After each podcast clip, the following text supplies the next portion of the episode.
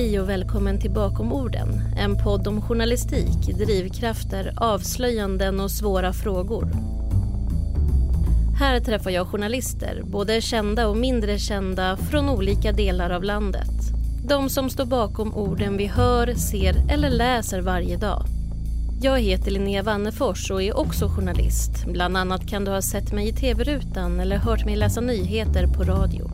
Eller så kan du ha läst någon av mina texter i tidningarna. I det här avsnittet av Bakom orden har jag intervjuat journalisten Hiwa Abdelzadeh, radiojournalist och tidigare korrespondent på Sveriges Radio. I vårt samtal pratar vi om hur det var att utses till korrespondent-trainee i Nils Horners anda.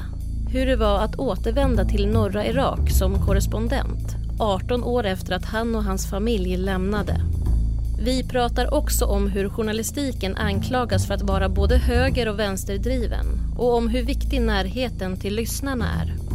Dessutom berättar han om hur han är något av journalistikens Forrest Gump. Här kommer min intervju med Hiwa Abdelzadeh. Jag, jag funderar mycket på det där när man får paus, när man liksom slutar jobba för dagen. Eh, min fru är bra på att säga ifrån. Eh, så hemma blir det inte så mycket radio när jag inte är själv. Men på väg hem, då blir det en del. Det är som att det inte går att låta bli. Alltså jag förstår vad du menar. För min del, jag har satt det här att på vägen hit inför en jobbdag, om det är kväll eller morgon eller vad det nu är, då lyssnar jag alltid på radio. Jag vill komma in i det. Mm. Men på kvällen försöker jag alltid liksom sätta på en podd eller musik eller någonting bara för att släppa allting. Ja, jag, jag brukar göra så när det inte är sådana här eh, utvecklande nyhetslägen som med Afghanistan. Som upptar mycket av arbetsdagarna nu för tiden. Eh, man är lite sådär arbetsrädd för att man ska missa någonting. Eh, å andra sidan kan man alltid lyssna i fatt på morgonen. Men jag tror det är en arbetsskada. Men kan det inte vara en liten stressgrej också att man kommer in, eller överhuvudtaget som du säger, att man inte hänger med i i vad som händer och i, i framförallt ditt jobb då som bevakar det här området, Afghanistan just nu, att det är så himla viktigt att veta och hänga med? Jo men absolut, det tror jag. Det, det skapar ju en liten sådär eh, stress som man gärna inte erkänner utan men som finns där i bakhuvudet. Bara, har du verkligen koll på det här? Vet du vad som har hänt de senaste timmarna? Man kanske ska liksom tagga ner lite. Man kanske ska det. Ja, tror det. Men du, för, för lyssnare då som kanske inte hänger med och uh, det här är ju, vi spelar in det här några dagar innan det här kommer publiceras. Vad jobbar du med just nu?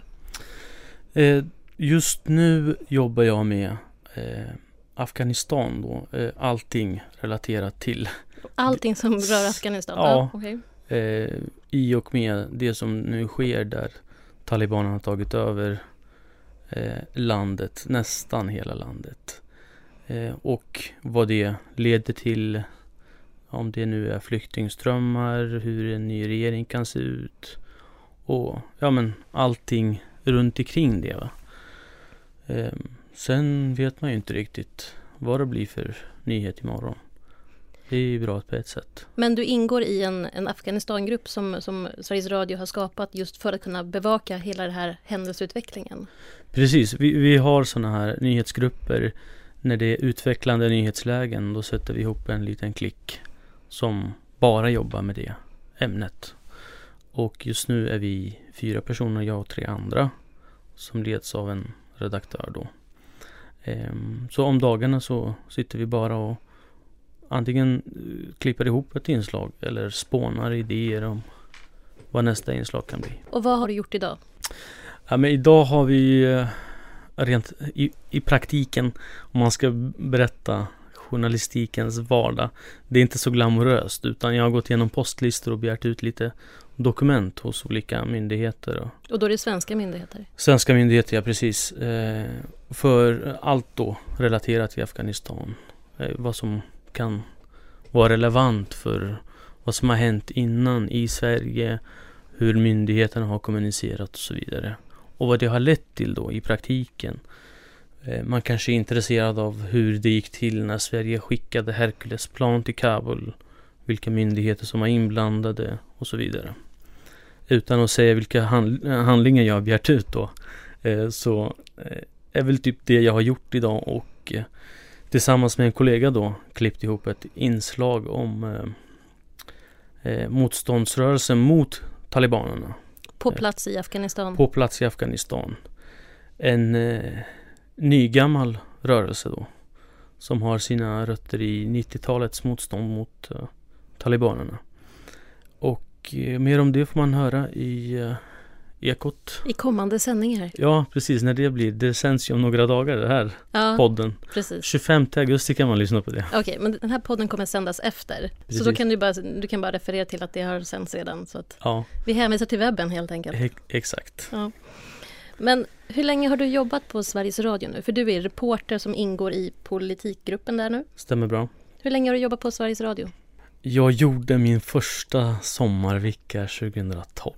Wow, det är ett tag sedan. Då var jag fortfarande student. Så jag, efter den sommaren så återgick jag till studierna. Och hösten eh, 2013, första februari, då hoppade jag in på Radio Sweden vad man sa till mig då, inhoppsvikarie, som istället blev så här, heltidsvikarie. Eh, och ett år senare så var man anställd på Sveriges Radio. Så du blev som det så fint heter inlasad? Inlasad, ja precis. Eh, jag lyckades komma över gränsen. För det har ju blivit en hel del utrikesbevakning genom åren för din del. Um, men nu tillhör du politikgruppen. Ja, eh, 2016 fick jag eh, då äran att vara Nils Horner trainee. Just det. Eh, I utrikesgruppen och efter det var det två, tre år i utrikesgruppen till och från. Sen har det varit lite annat. Men idag så ingår jag eh, som sagt i politikgruppen och ska egentligen syssla med eh, svensk inrikespolitisk bevakning. Men eh, så kommer ju Afghanistan. Och det går ju också att koppla till svensk inrikespolitik. Så att då får man vara en slags eh, brygga då mellan, eller en bro mellan det utrikes eh, politiska och inrikespolitiska, eller vad man ska säga. Eh, och det är ju bra att man har den erfarenheten i bagaget från utrikes. Men utrikesfrågor eller politikfrågor eller politiska frågor, vilket intresse är störst hos dig? Ja du, jag är ju statsvetare i grunden. Så politik generellt. Eh, men jag, jag måste nog säga utrikes för att det är så eh, otroligt stort och så mycket nytt som man kan ta sig an. Men givetvis så är, svensk inrikespolitik också väldigt intressant, speciellt i nu. Och för oss då som inte är statsvetare, berätta vad, vad är skärmen med, med politik och framförallt svensk politik då? Ja men det är ju någonting som påverkar våra liv, eh, vår vardag. Eh, skaffa barn, ja vad händer då? Ja, eh, då måste man ju ha koll på vad som gäller när man ska vara föräldraledig och sådär. Eh, ja, men vad händer? Vad, vilka beslut är det som fattas över våra huvuden som i vardagen påverkar mig och dig? Eh, inte bara när det gäller att skaffa barn. Det gäller samhället i stort. Eh, sjukvården, eh, pensionerna som senare kommer att påverka mig och dig. Ehm, jag tycker det är högst angeläget för inte bara mig utan för hela samhället och eh, alla i vårt samhälle som påverkas av det och som kan påverka också. Är det just radio du vill jobba med eller blev det bara det när du egentligen var på väg någon annanstans? Jag, bör, jag började ju som sagt som statsvetare eh, och sen så läste jag lite filosofi. Man var liksom ung och liksom ambitiös och kände att man var fritänkande och så läste jag filosofi då och tänkte jag ska syssla med skrivande.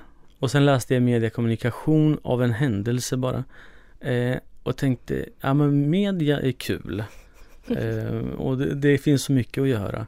Men att det just blev radio var lite av en, eh, vad ska man säga, en slump egentligen. Men när du pluggade statsvetenskap, vad hade du för plan då, då? Förutom att bara skriva, var du på väg till, skulle du doktorera, alltså var det på den nivån eller ville du bara skriva texter eller liksom var, vilken, vad var din riktning då?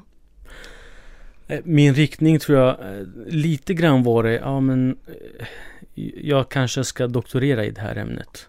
Jag har en bror som är liksom förebild inom det ämnet då som har doktorerat i statsvetenskap.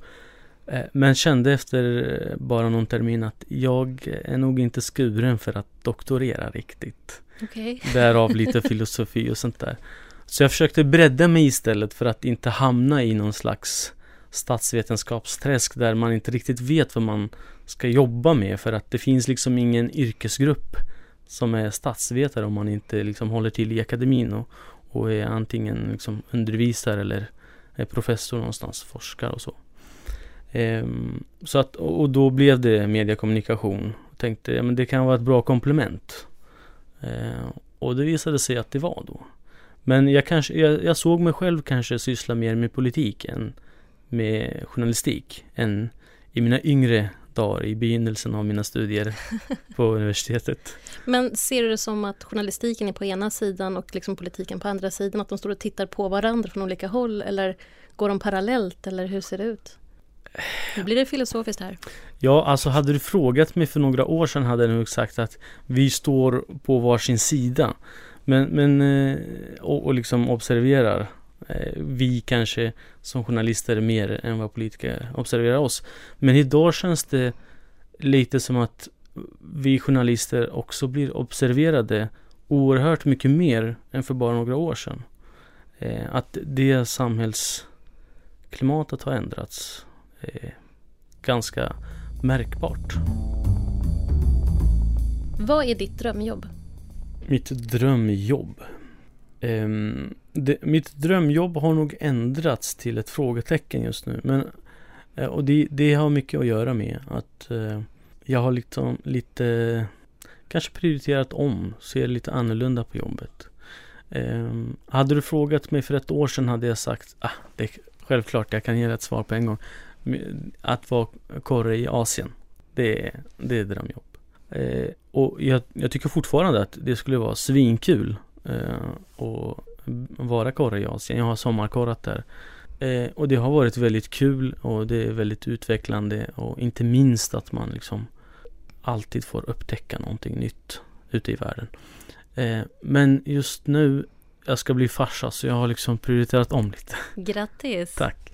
Så mitt drömjobb är kanske att, att vara föräldraledig tänkte jag säga. men, men jag tror jag sysslar med det jag drömmer om. Jag vill gärna tro det i alla fall. Jag ser, jag ser inte mig själv just nu i alla fall i något annat yrkessammanhang än journalistik på radion. För jag var, jag var ganska säker på att du skulle svara just utrikeskorre. Ja. Så var liksom, det här var en, en klaff eller en, en bro, en brygga in mm. till eh, att du 2016 utsågs som utrikeskorrespondent trainee mm. i Nils Horners anda. Hur var det året? Det var helt fantastiskt. Var det. Ehm, jag fick eh, en otroligt unik möjlighet att eh, lära mig allt om jobbet som korrespondent. Eh, jag fick möjlighet att resa runt och hälsa på våra korrespondenter ute i världen. Allt från ehm, då Richard Myrenberg i Kigali i Rwanda till Margita Boström i Bangkok i Thailand och eh, kollegorna som då var i eh, New York och Washington då i USA.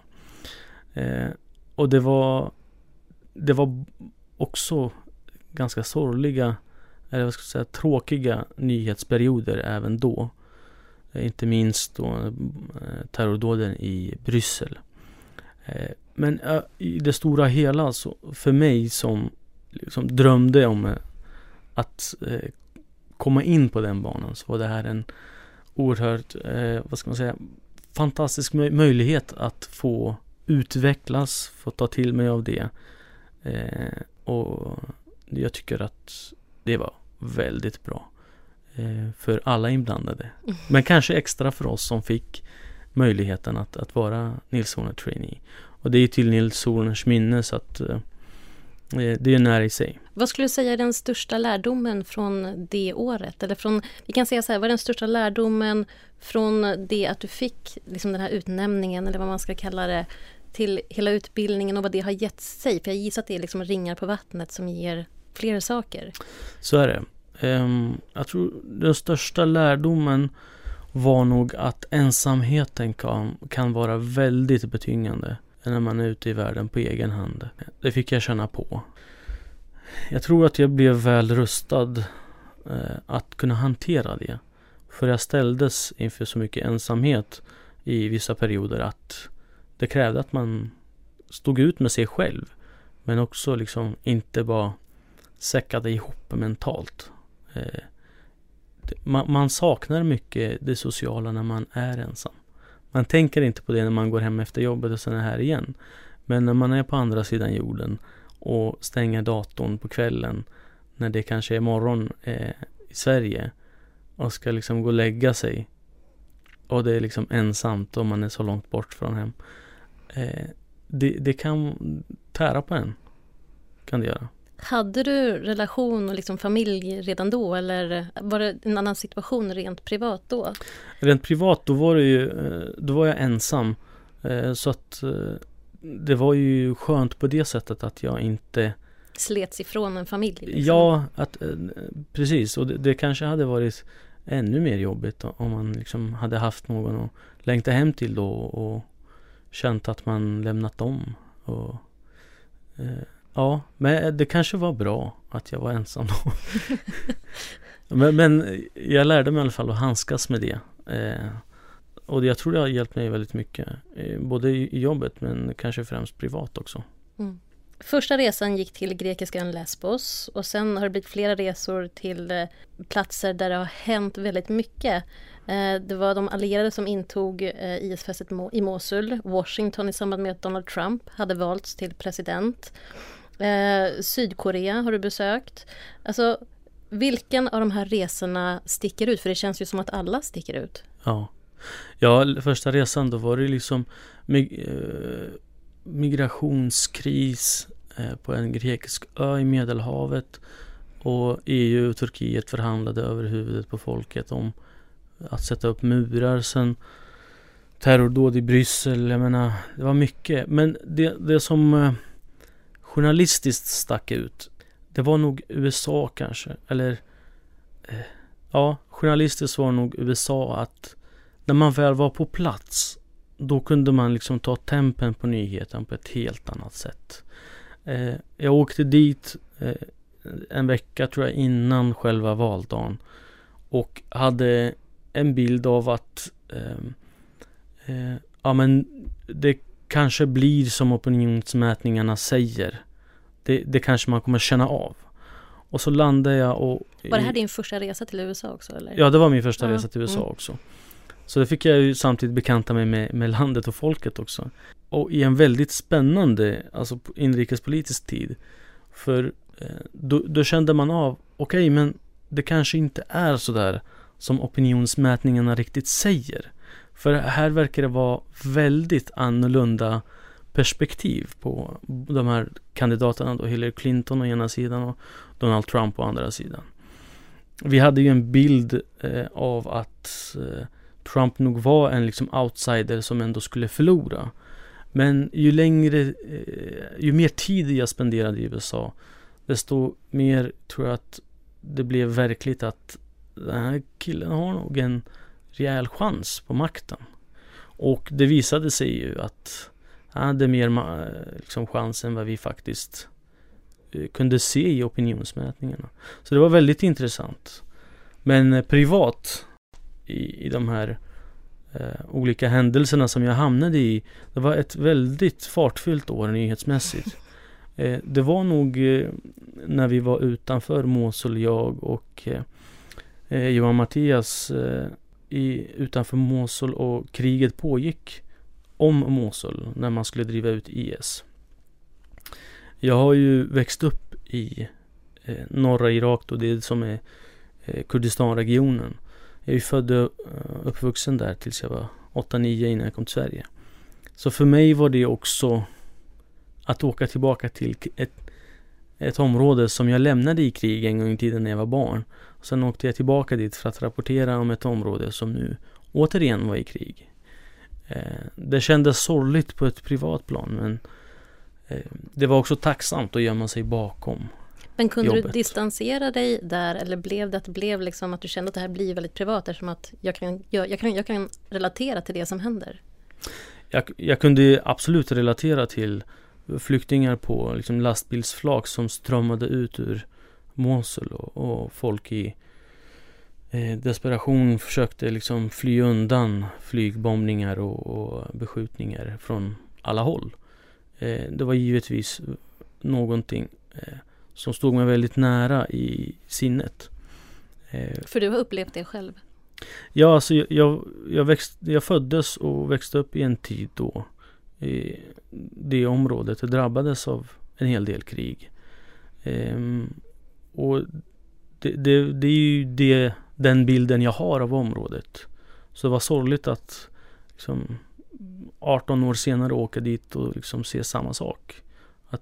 Eh, trots 18 års ska man säga, utveckling så eh, är vi tillbaka på, liksom, på ruta ett. Eh, och, och, på det sättet var det väldigt sorgligt. Och jag försökte på något sätt fånga eh, minnet där och prata med mitt yngre jag i en krönika som jag tror gick då. Eh, för för jag, det var liksom väldigt påtagligt eh, på det liksom personliga planet. Ehm, men jag, jag, tror att det också kan vara eh, behjälpligt i, i ens, i alla fall i mitt eh, yrkesliv, hur man liksom kan förstå människor och sätta sig in i olika perspektiv och eh, kanske lyfta fram vad som händer nu. Ehm, berätta historien om ja, krigets offer på, på många olika sätt. Så att på det sättet det var det liksom både på gott och ont man hade många minnen med sig.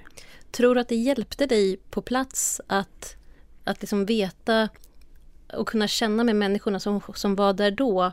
Veta hur de tänkte eller kanske försöka förstå hur de tänkte och därmed hitta ingångar som kanske inte är öppna för oss som inte har den erfarenheten. Förstår du vad jag menar?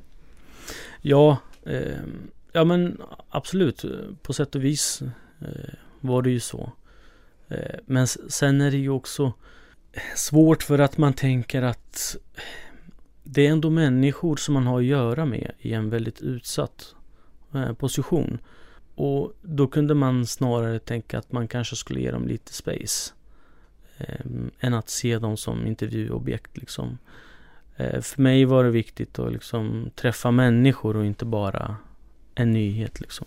Jag gjorde något olivinslag om olivodlarna som ändå trots allt elände och trots IS framfart och eh, belägring av de här olika platserna ändå hade hållit fast vid det här eh, det som var deras identitet som olivodlare.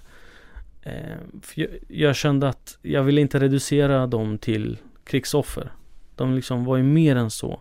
De såg sig själva som mer än bara liksom offer för ett krig. Jag tror att de har sett mer krig än jag. För att de har liksom konstant levt där. Så att de kanske på något sätt har liksom kommit förbi det där stadiet med traumat att ah, men vi växte upp i krig. Ja, ja men det har varit krig hela livet. Kanske blir lättare att hantera, tänk, föreställer jag mig.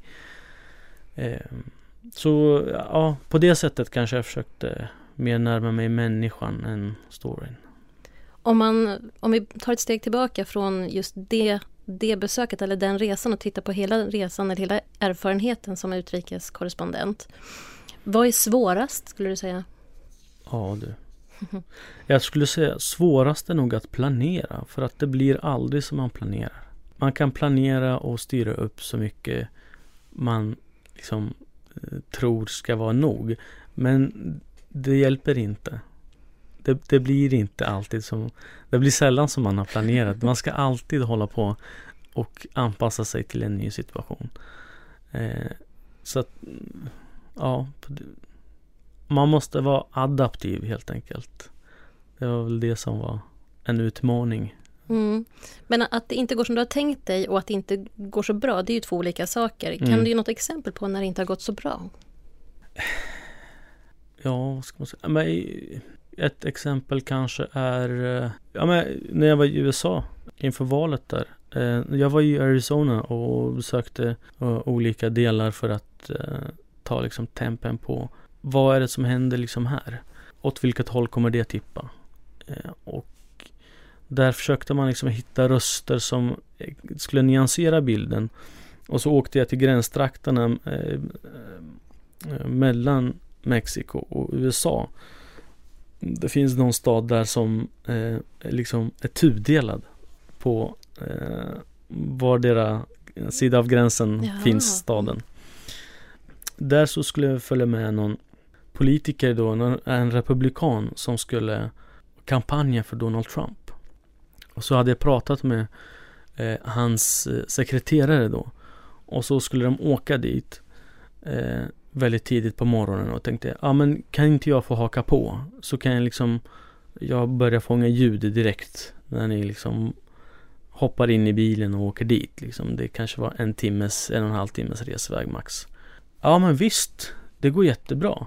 Och sen eh, 30 minuter senare så får jag ett sms. Det kostar 5000 dollar. Mhm. Och då tänkte jag, ja men, eh, f- ja, okej, det hade jag aldrig varit med om. Och, så, och jag var inte så värst rutinerad eh, utrikesreporter så. Så jag tänkte, vad sjutton är det här? Är det normalt? Är det normalt? Nej, fem- 5000 dollar är verkligen inte normalt. Varför tror du att de satte den, den summan då? Ja men de, vill, de ville nog, de trodde bara att jag var någon så utrikesjournalist som skulle Ja, ja, bara kasta pengar på dem. ja. Eh, så jag, jag hyrde istället en, eh, jag snackade ihop mig med någon taxichaufför som körde med för 150 dollar. Det var ganska stor skillnad. eh, men, men där kunde det ha gått illa. Men det- det sket sig på grund av att jag sa nej. Så jag fick aldrig följa med på den. Så jag hittade en annan politiker som kampanjade. Och det, det var ju eh, tråkigt att råka ut för det. Eller när vi, när vi var i Kongo, jag och Richard Myrenberg och, och på reportageresa där så hade vi den lokala säkerhetspolisen eller polisen var oklart vilka de riktigt var efter oss som hade frågat om oss på hotellet sådär.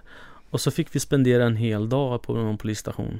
Eh, och allt vi behövde göra var liksom kasta fram lite kaffepengar på liksom fem dollar för att komma därifrån. Sånt förstör ju ganska mycket. I det, för den dagen kunde vi inte jobba. Då Nej. satt vi bara i någon soffa i liksom, någon liten stad vid sjön i, i Kongo Va? Jaha, om det händer något här så vet ju ingen vad som hänt. Men i de lägena är man noga med att försöka rapportera in till någon typ av arbetsledare hemma att nu händer det här, vi sitter i den här staden på den här stationen till exempel. Eller vad, är man helt, helt ensam tills man kan återvända hem liksom, till hotellet? Nej, tack och lov så har vi bra kontakt med eh, utrikesdesken, då en dedikerad utrikesdesk. Den, speciellt när vi åker till känsliga områden eller områden som inte är helt säkra.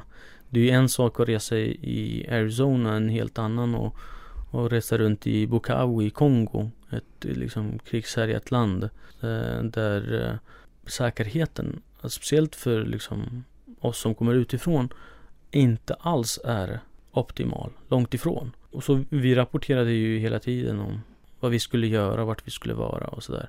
Vi ringde ju såklart in innan vi åkte till den där polisstationen. Eh, men vi visste ju inte vad som skulle hända, när vi skulle vara tillbaka och sådär. Så att eh, det har ju hänt en gång när jag åkte på någon sån där grej. Och det var i Uganda, när de inte fick tag på mig. Då blev de oroliga. Eh, och det hör ju till jobbet då på utrikesdesken att får du inte tag på någon då börjar det liksom Då gör du alltid din makt för att kunna Det säkerställa larmar liksom lite Ja. så får de...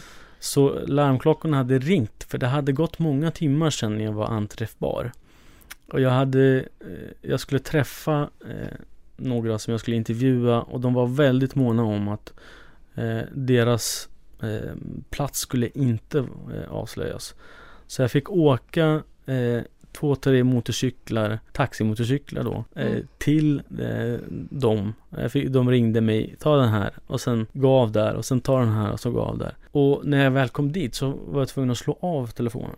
Och då blev det ju direkt oanträffbar. Det var lite mitt fel för att då hann jag inte säga till att nu går jag liksom i radioskugga här. Så att det kunde ha hanterats bättre. Hur, men hur slutade det då? Det slutade lyckligt. När jag, när jag satt på en annan motorcykel på väg tillbaka till hotellet så slog jag på telefonen och då hade jag x antal missade samtal och meddelanden. Då ringde jag och sa, kan du stanna? Jag måste ringa ett samtal. Ja. Ehm, och då ringde jag bara, då, då fick jag en liten avhyvling ändå. Ja, Eh, inte med rätta får Ja, jag väl ändå lov att säga. Har du, har du någonsin varit liksom riktigt rädd under någon av resorna? Nej, alltså rädd har jag nog inte varit. Väldigt nyfiken, kanske lite dumdristig ibland. Jag kanske borde varit rädd, ja men utanför Mosul eller, eller när vi var i Bukavu i Kongo och sådär.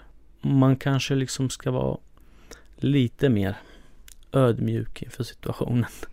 Ma- Man är ju väldigt nyfiken och nyfikenheten kan ju göra att man inte alltid fullt ut överväger riskerna till den grad att man kan känna lite rädsla. Och rädslan skulle ju egentligen bara göra att man är lite säkrare. Man kanske är lite för modig och dumdristig. Det kanske också är en lärdom från resorna. Ja, jag tror det. Idag eh, när jag inte är ensam och liksom själv eh, då skulle jag nog kanske känna mer rädsla för att inte komma tillbaka. Eh, men å andra sidan skulle man kanske göra andra överväganden innan man gör en resa. Så att jag tror att man har mognat väldigt mycket med tiden också. Jag kanske inte hade gjort alla resor idag. Mhm. Kanske inte på samma sätt i alla fall. Lite mer försiktigt tror jag. Det, jag tror det. Vi pratade ju tidigare om att när du har besökt platser, framförallt där du själv har, inte en koppling, men har kunnat liksom eh, identifiera eller kanske till och med relatera till det som händer geografiskt eller det som händer, liksom själva händelseutvecklingen, så har du velat se människorna. Vad får du för respons på den journalistik du gör? Vet du om det här liksom övervägandet som du faktiskt gör, att inte bara se stories utan se människor, får kraft eller får liksom en träffpunkt om man säger? Jag tror att det där reportaget om eh, olivodlarna i Irak var en sån där grej som folk kände bara Men gud vad skönt. Det var inte bara krig och elände. Här var det några som levde. Eh, det fick jag några mail om. Och folk som tyckte att det var liksom Vissa tyckte att det var kul. Andra tyckte att det var skönt att man liksom bröt krigsrapportering med någonting liksom väldigt otippat i ett sånt läge.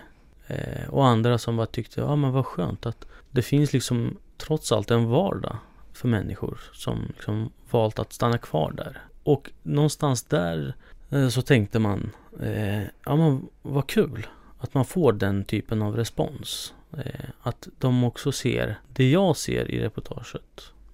Men allra, allra mest reaktioner får, har jag i alla fall fått när det handlat om minoriteter i olika delar av världen eh, som drabbats eh, och hamnat i nyhetsflödet eller i något reportage.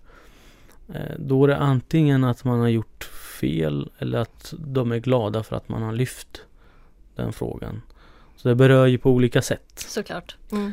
Eh, men då, jag har märkt av att minoritetsgrupper oftast är väldigt flitiga på att ge respons, på gott och ont.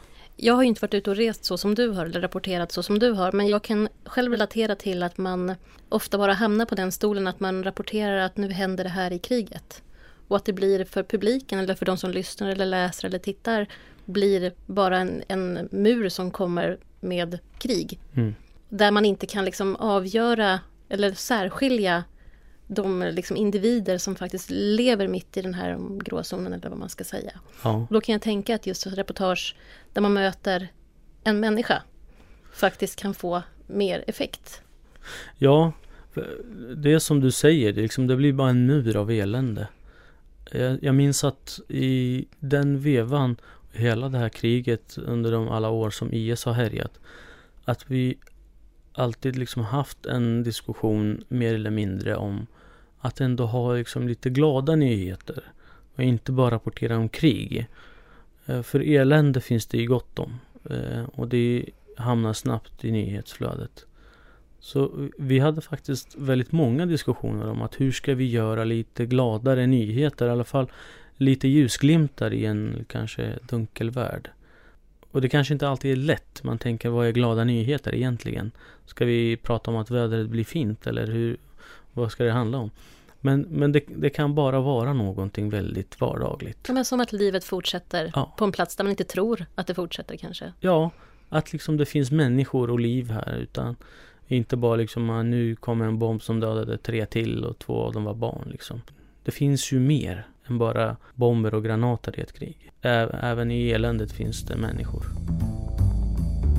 Ehm, Jag har läst att du, att du föddes på flykt när familjen lämnat Kurdistan och som nioåring kom ni till Garphyttan, heter det så?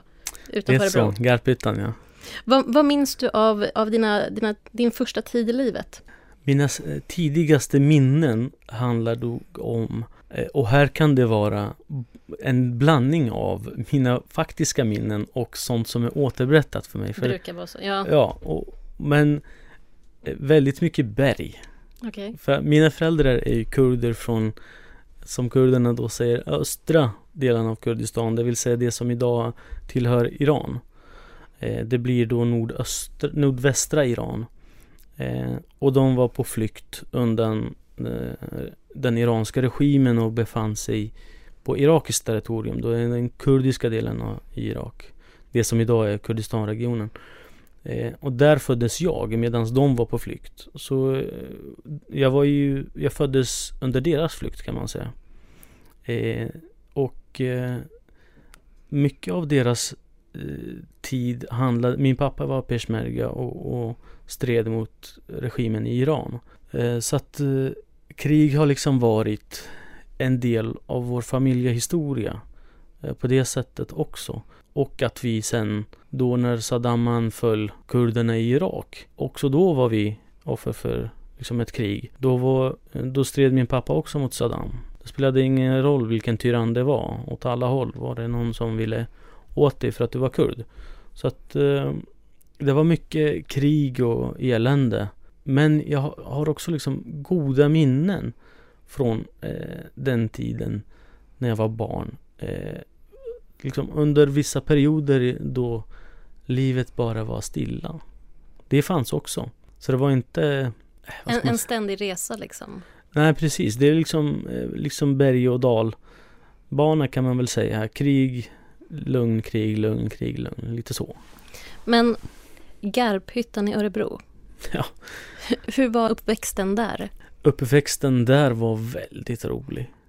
Det var det är ett litet samhälle 15 kilometer utanför Örebro. Och alla sysslade med handboll, fotboll, innebandy. Även du.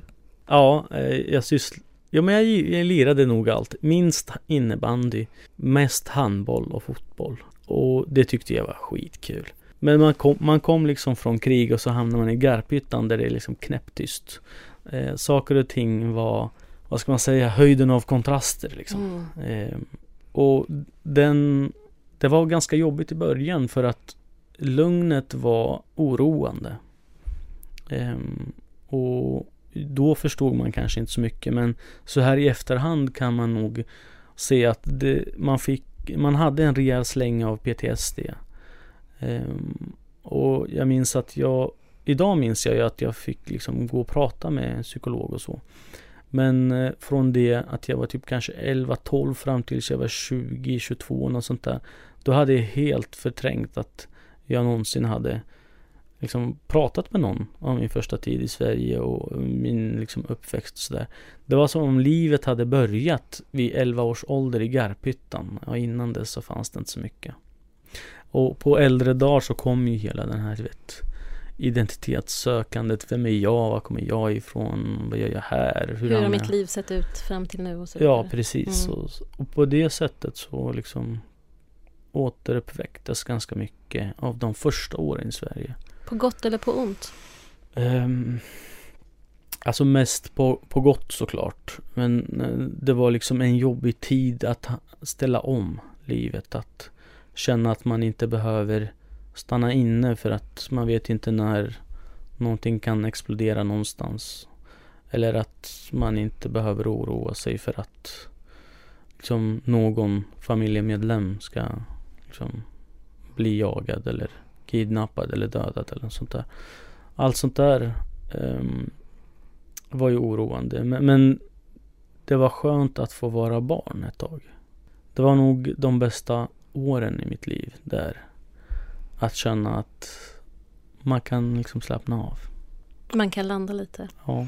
Vi går framåt lite. Du läste statsvetenskap har du sagt och sen medie och kommunikationsvetenskap. När kom journalistiken in i ditt liv? Innan jag började jobba på Sveriges Radio så drev jag tillsammans med några polare en liten nätsida som ut, exklusivt handlade om nyheter på svenska och engelska om eh, Mellanöstern då främst liksom kurdfrågan. Eftersom det var det jag kunde bäst och eh, det som var angeläget för mig. Och det försökte vi förmedla liksom eh, på svenska. För det, på den tiden fanns det inte så mycket nyhetsbevakning eh, i den delen av världen tyckte vi. Så på den vägen var det och då upptäckte jag att det här var ju kul att rapportera och så. Så när jag läste mediekommunikation då började liksom saker och ting falla på plats. Eh, och då kände jag, ja men journalistik är nog det som det lutar åt. Vi gör ett försök. Och då var det den här sommarvicket här. Och sen efter det så, så fortsatte det. Eh, då var jag fast där. Jag gjorde någon praktik också under mediekommunikationsstudierna på nättidningen Nyheter 24. Det tyckte jag var kul. Mm. Eh, det var så här nytt, spännande. Webben. Ja, precis. Och man tyckte var, vi är ett med tiden liksom.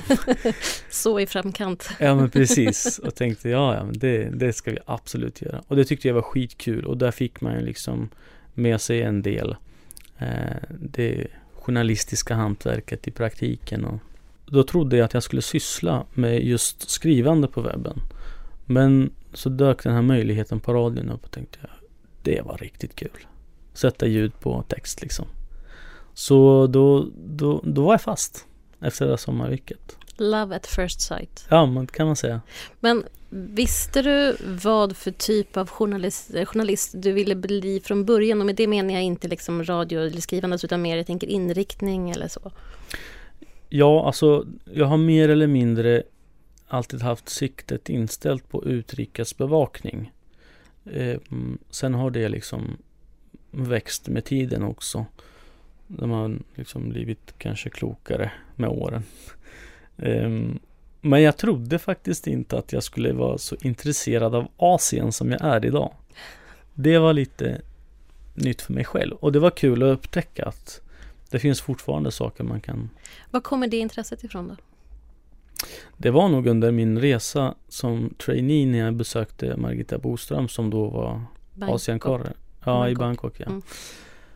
Och eh, under den resan tänkte jag, men gud, vilken stor världsdel som liksom bara väntar på att bli upptäckt av mig. Jag har liksom inte så bra koll. Ah, jag hade noll koll på liksom den världsdelen. Jag visste de här länderna finns. Vad händer här egentligen?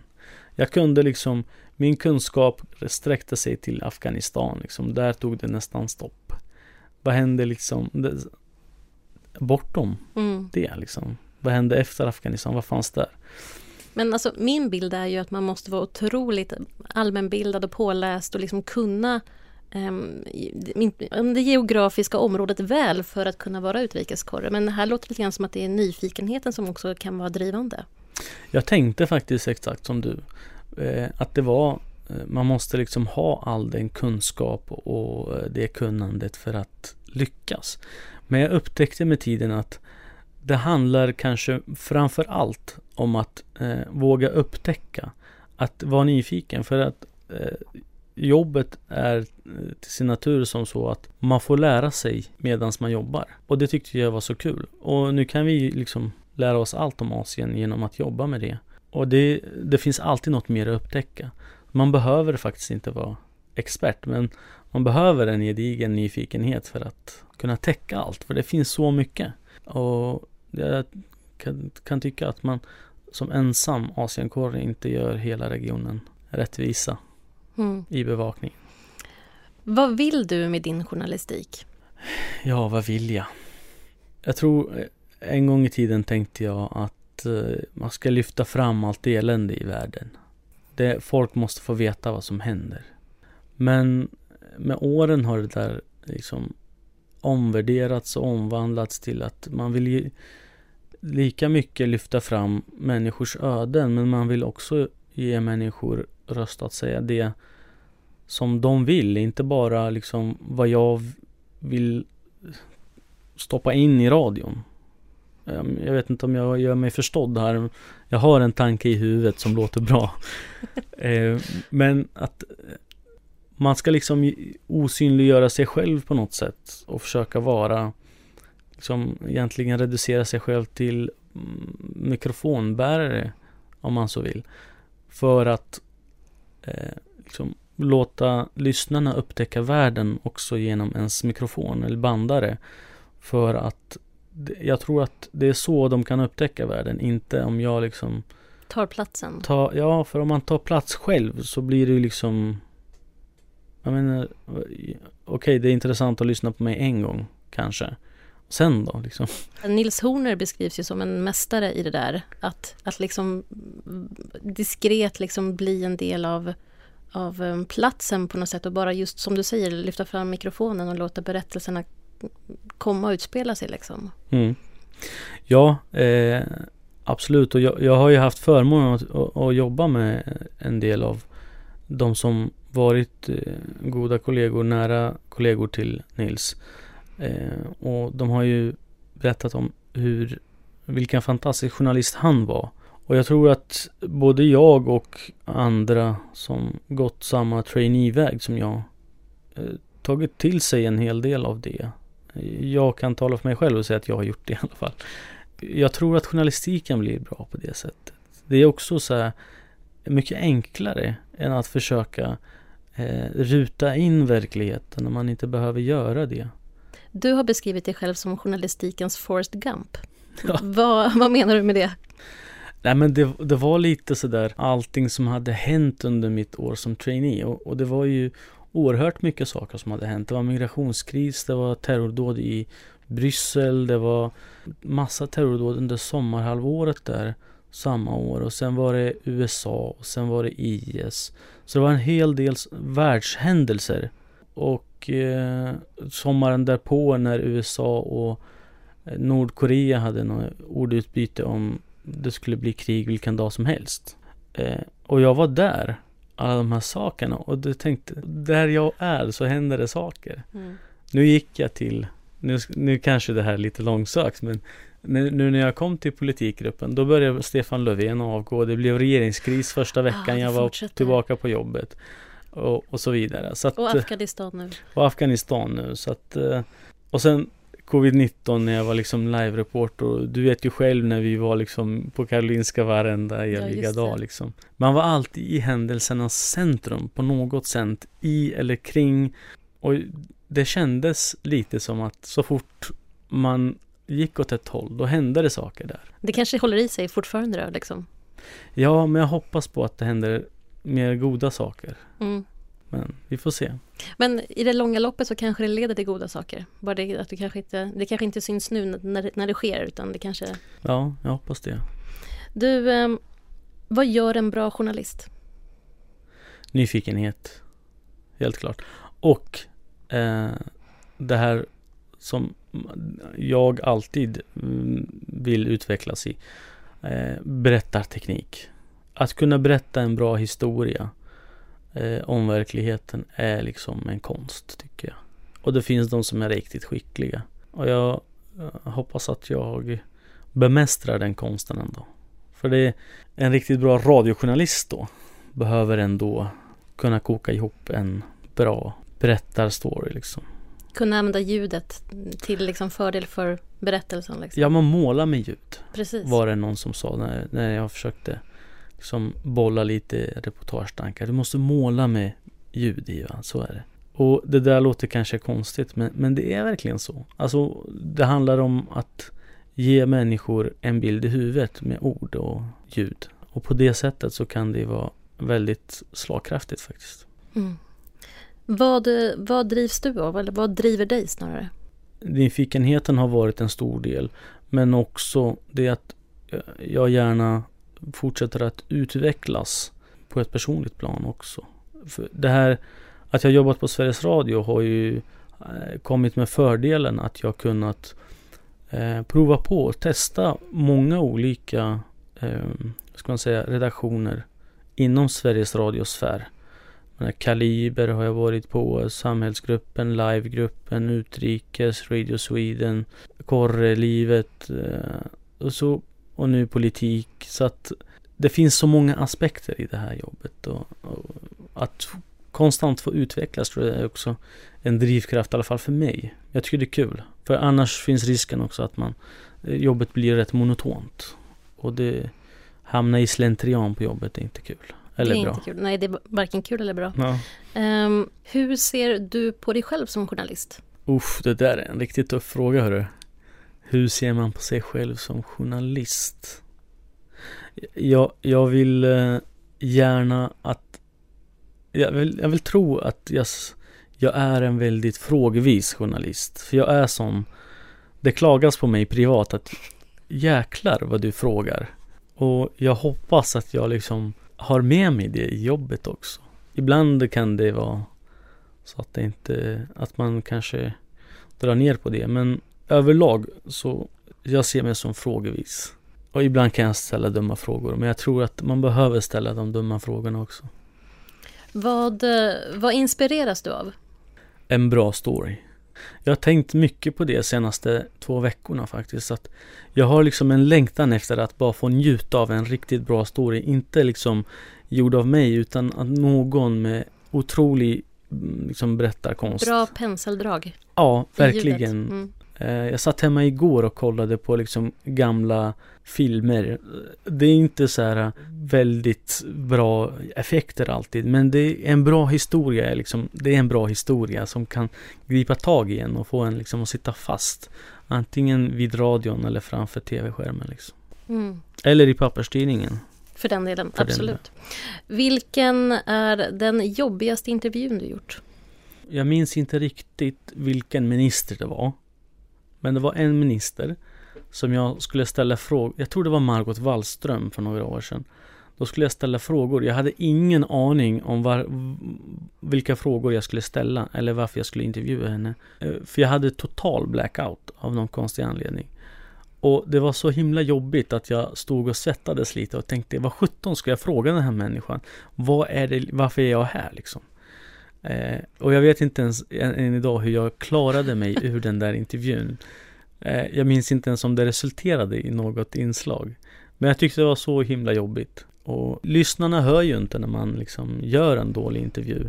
För det kanske ibland sänds det inte för att det inte finns plats i radion. Och ibland så tar man bara med de bra bitarna. Eller man ska alltid ta med de bra bitarna.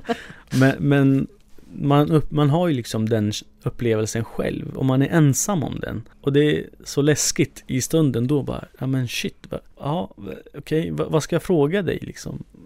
Vad heter du? Okay, hur mår du? Ja, men lite så. Mm. Eh, och det, det är en hemsk känsla alltså. Men annars har jag förstått att ansvarsutkrävande intervjuer eller intervjuer som kan bidra till dålig stämning, det är ingenting som stör dig? Nej, det tycker jag. Jag gillar ju dålig stämning. Okej. Okay. Alltså, jag, jag, gillar när det är obekvämt. Mm. För att eh, jag tycker att som journalist så ska man inte bry sig om det. Nej, men det är inte samma sak som att gilla det heller. Alltså jag menar att stå ut med det eller att acceptera eller respektera det är inte samma sak som att gilla det. Nej, alltså man kanske ska liksom nyansera den bilden också. Okay. Men, men gilla menar jag att jag kan liksom bli, vad ska man säga, taggad av att göra sådana intervjuer för jag, jag är gärna liksom på väldigt mycket och eh, ger inte så mycket för eh, liksom flyktiga svar och sådär. Jag ställer gärna folk mot väggen om det finns något att ställa dem mot väggen för.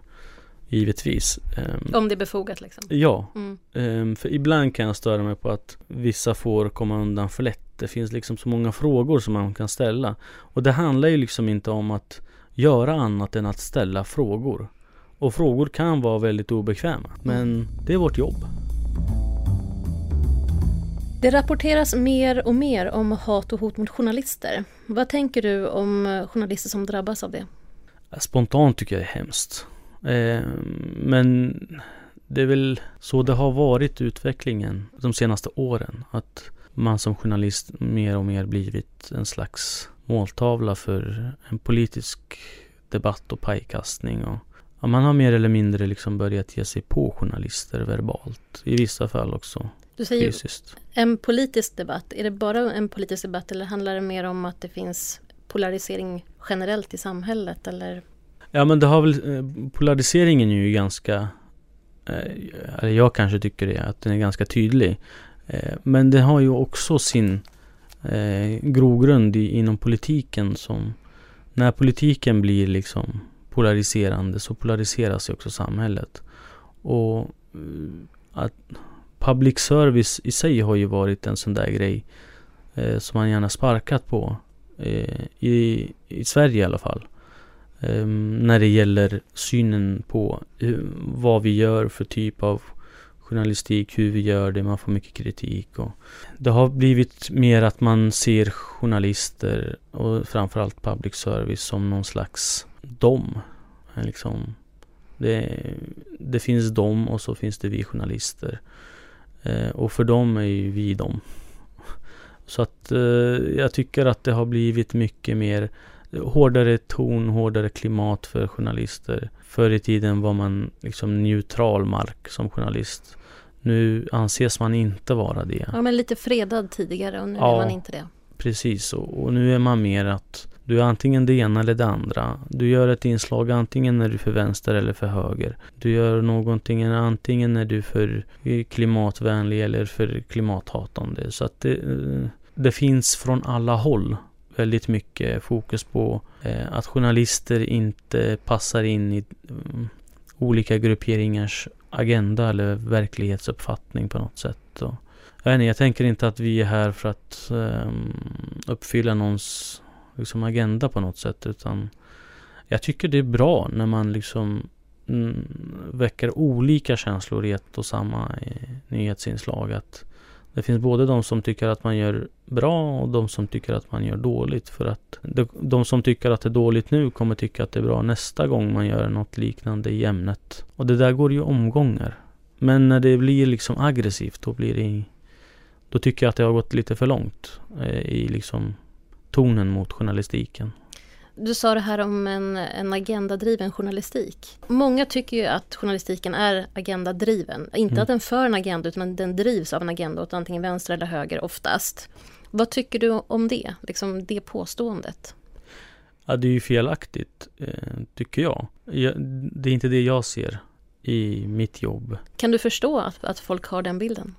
Ja, jag kan förstå att man gärna använder det i liksom den politiska debatten för att polarisera ännu mer. Och vi har blivit någon slags slagträ för att eh, jag vet inte, göra poänger av olika saker. Det finns gott om mail där folk tycker att vi är alldeles för långt åt höger och så finns det gott om mail där folk tycker att vi är alldeles för långt åt vänster. Så att, eh, och någon, jag tycker inte att man ska vara folk till lags på det sättet. Utan det handlar mer om att här är en verklighet. Sen hur du tar emot det som lyssnare är ju helt upp till dig. Jag kan ju inte bestämma åt dig liksom. Tyvärr så får man räkna med att det hör till jobbet numera att bli liksom stämplad efter varje nyhetsinslag. Till, åt det ena eller andra hållet. Vilka är de största utmaningar som svensk journalistik står inför tycker du? Oh, det där är en jättestor fråga. Mm. Och så ska lilla jag svara på det. jag, jag, tror att det, det, är nog det vi är inne på, att överkomma det här med eh, att bli kategoriserad hela tiden. Att man an, ja, vi måste vara ihärdiga i våra försök att få vara fredade.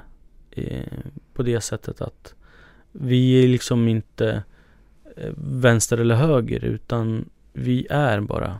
Sen får liksom politiken ha, hålla sig på sin kant. Och vi får vara den granskande delen av samhället. Det är en utmaning att navigera i det nya samhällsklimatet som journalist. Det går liksom inte att undkomma det. Man är inte fri från samhällsklimatet längre.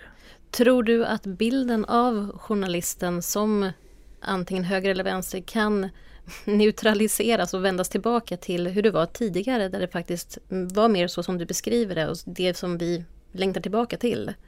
Jag vill gärna hoppas och tro på det. För att om man inte tror på det då kommer det ju... Vad blir det sen liksom? Då, då blir det ju liksom... Äh, väldigt konstigt. Jag kan inte ens föreställa mig hur det skulle vara om det blev värre liksom i det avseendet att man var höger eller vänsterstämplad ännu mer.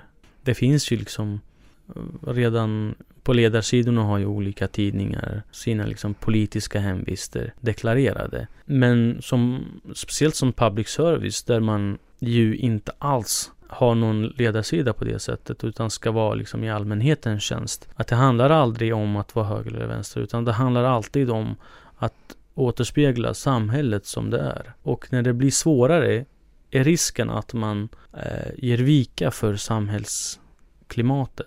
Och det tror jag är en farlig väg att gå. Jag tror att vi måste vara ihärdiga att inte ge efter för liksom, vart, vartåt vindarna blåser utan försöka bibehålla den journalistiska integriteten. Och jag hoppas att vi kan hitta tillbaka dit om några år. Alltså att i samhällets ögon är vi fredade. Vad behöver journalister bli bättre på?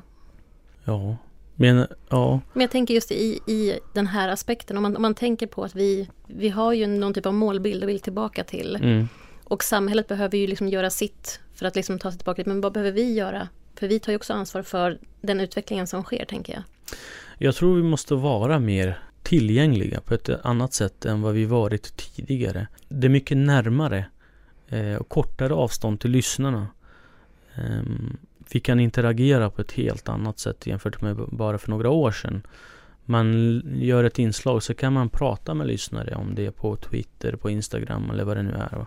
Och jag tror personligen att det är väldigt viktigt att vara där och kunna interagera med lyssnarna. För ibland, eh, jag svarar gärna på lyssnarmail och det gör jag för att jag tycker att det är angeläget att göra det.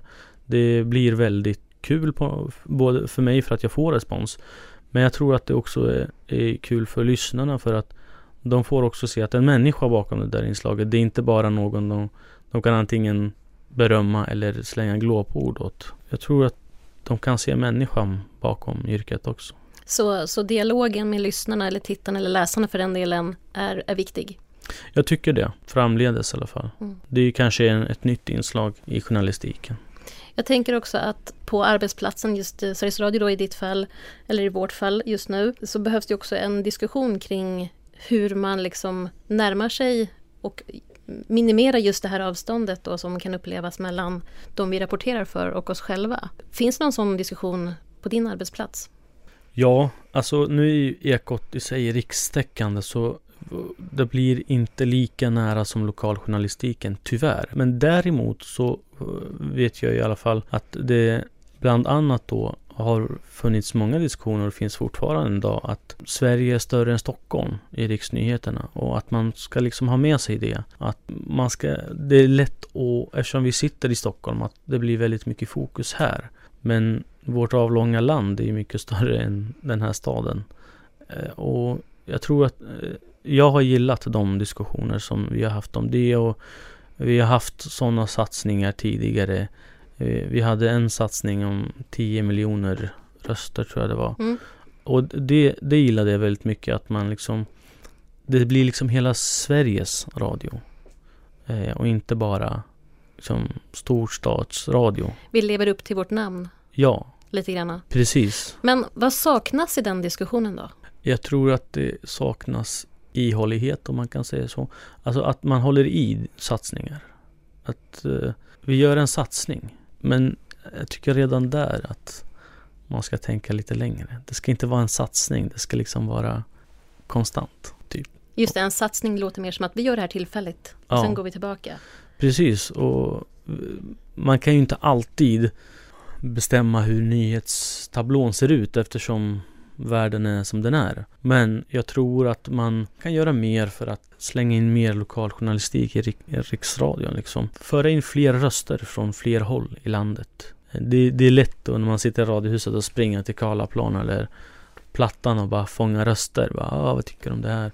Men ring en P4-kanal. Hämta lite röster därifrån. Det är kul. Och viktigt verkligen viktigt. Jag menar, det är ju som du säger liksom, ska vi leva upp till namnet? Hela Sveriges Radio.